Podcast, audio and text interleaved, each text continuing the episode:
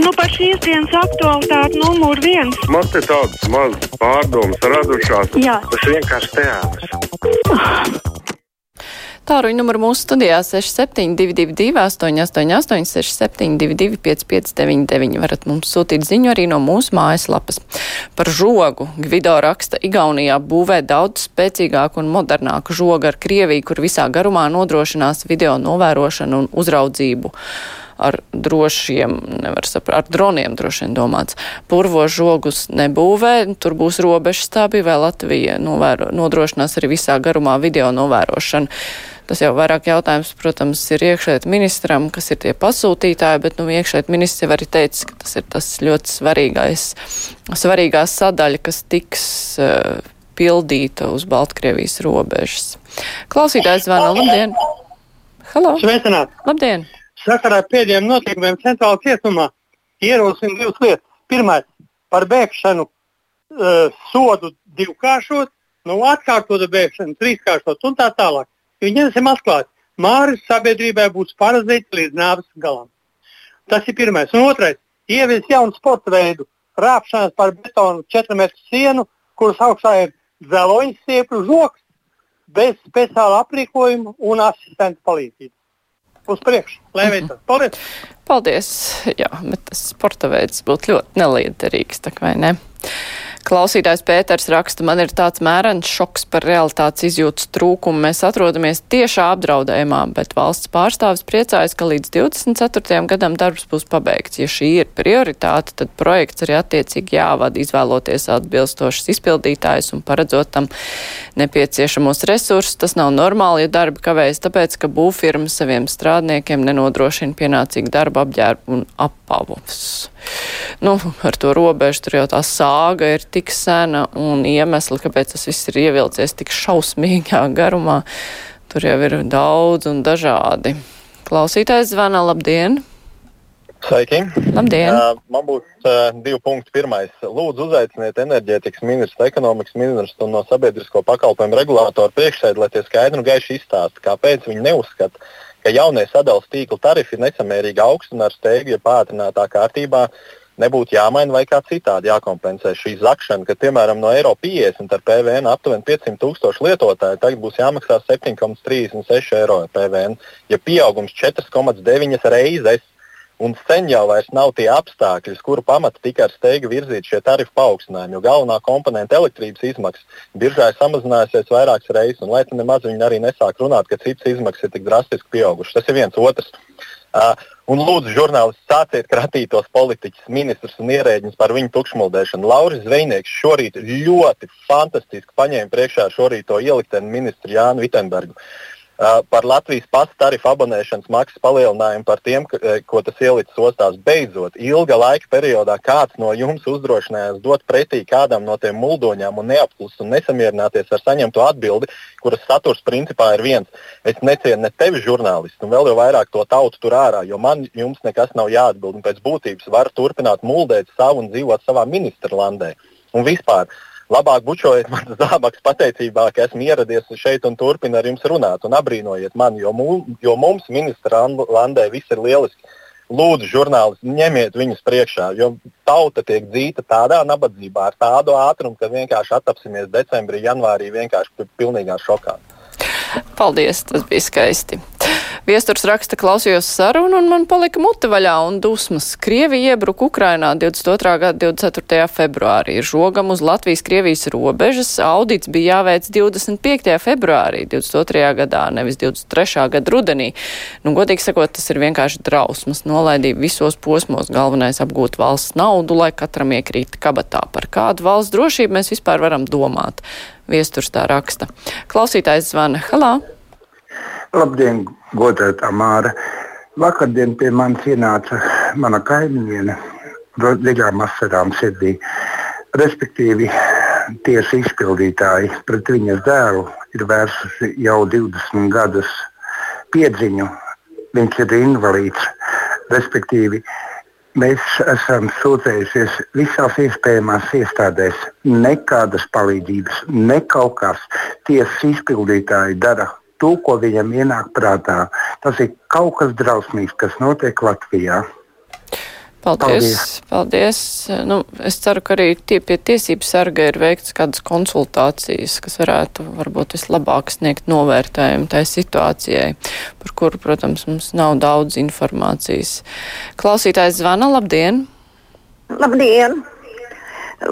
Mēs visu laiku klausāmies, ka kultūras darbiniekiem pietrūks naudas. Es to saprotu, jo pašdarbības kolektīva vadītāji saņem ļoti maz. Es pat ar kādreiz esmu dancojusi.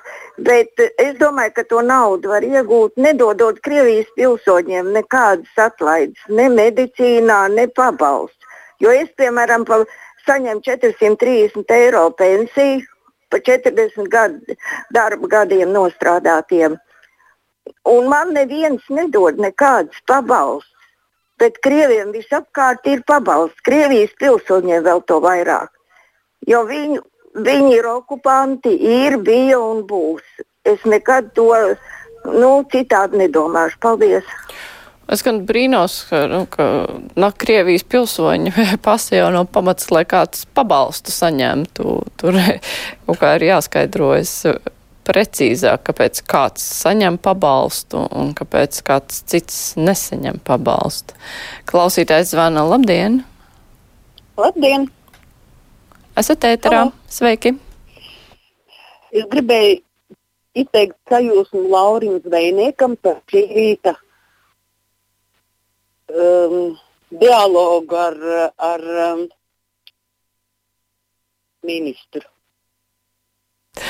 Jā, jūs par to pašu, par ko iepriekšējais, viens no iepriekšējiem zvanītājiem teica, Lauris ir labi pastrādājis. Klausītājs zvana. Halo! Labdien! Labdien.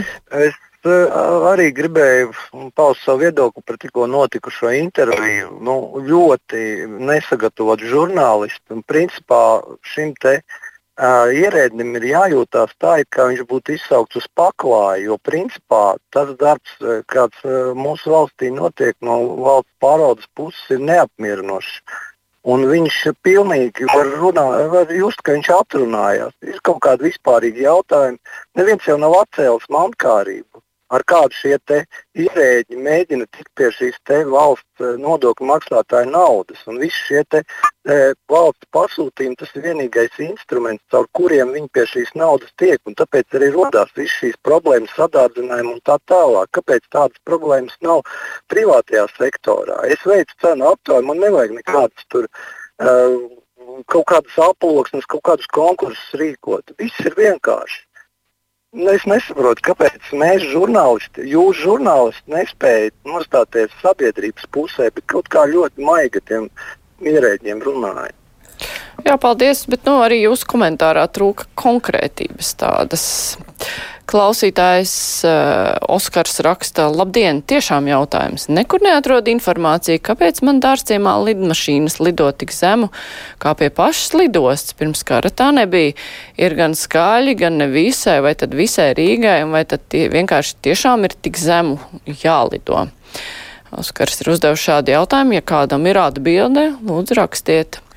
Anna raksta, Lauris Venieks tiešām ir superīgs. Šādām ir jābūt intervijām ar jebkuru ministru, ar jebkuru atbildīgo, pieprasot konkrētas atbildes. Klausītājs zvana, labdien! Ļoti stipra atbalsts, es tomēr atslēdzu. Tā Ivars raksta, laba diena, klausoties visus šos ierēģņus un birojas, liekas, ka mums valstī ir tāda attīstība, ka baila paliek, bet rezultātā visur sadārcinājumi, korupcija un beig beigās esam aiz Lietuvas, Igaunijas un vispār Eiropas Savienības apakšā. Klausītājs Vans, labdien! Jā, labdien! NATO un Amerika tagad prasa no Ukrainas tādu nu, stipru uzbrukumu, pretuzbrukumu. Bet, nu, lai Amerika mazliet patina apakaļ vēsturi, kā viņiem gāja Vietnamā, kā viņiem gāja Afganistānā, kā viņiem gāja Irākā. Un, un tad, lai padomā, ko tā nabaga Ukraina var tur sevišķi ātri uzbrukt, kur cilvēki iet gulēt un viņi nezina, vai viņi pamodīsies no rīta. Jā, paldies. Klausītājs Andrēs jau vakar mums rakstīja un šodien raksta, kā aizvakar prezidents Edgars Rinkēvičs tikās ar iekšlietu ministru Mārku Čīnski, pēc tam ar tieslietu ministri Ines Lībiņa Egneri. Gan Kučīnskis, gan Egneri pie prezidenta atnāca vieni, bez sociālo partneri, arotbiedrības ministri visu zināt nevar. Turklāt jautājumi par darbinieku kadru trūkumu atalgojumu ministra sadarbība ar arotbiedrību dodoties pie prezidenta ir nepieciešama, un tas tikai veicinātu sociālo dialogu. To vajadzētu ņemt vērā arī prezidentam un viņa kancelējai. Nu, es gan nezinu, vai, prez, vai ministriem visur ir arī arotbiedrības pārstāvi jāved līdzi, un arī viņiem pašiem ir daudz kas jāzina par kadru jautājumiem un par atalgojumu. Tā Janīna raksta tiesības sargs brīnās, kādēļ valsts policija un prokuratūra vilcinās uzsākt kriminālu procesu par to, ka ārstu biedrības certificētie ārsti pat Pauls Stradiņa Kliniskajā universitātes slimnīcā dzemdību nodaļā atraida jauno māmiņu, kurai ir norīkojums ierosināt dzemdības un ārstu nolaidības dēļ mirst jaundzimušais. Es nezinu tieši par kuru konkrētu gadījumu Janīna raksta, bet bija šķiet nesen tāds traģisks stāsts. Klausītājs zvana, labdien! Labdien!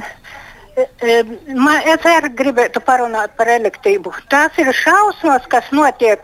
Pensionārs laukos dzīvo, ir, izlīdzinātais maksājums 15 kW mēnesī. Bija 3,80, tagad 6,08 no jūlija.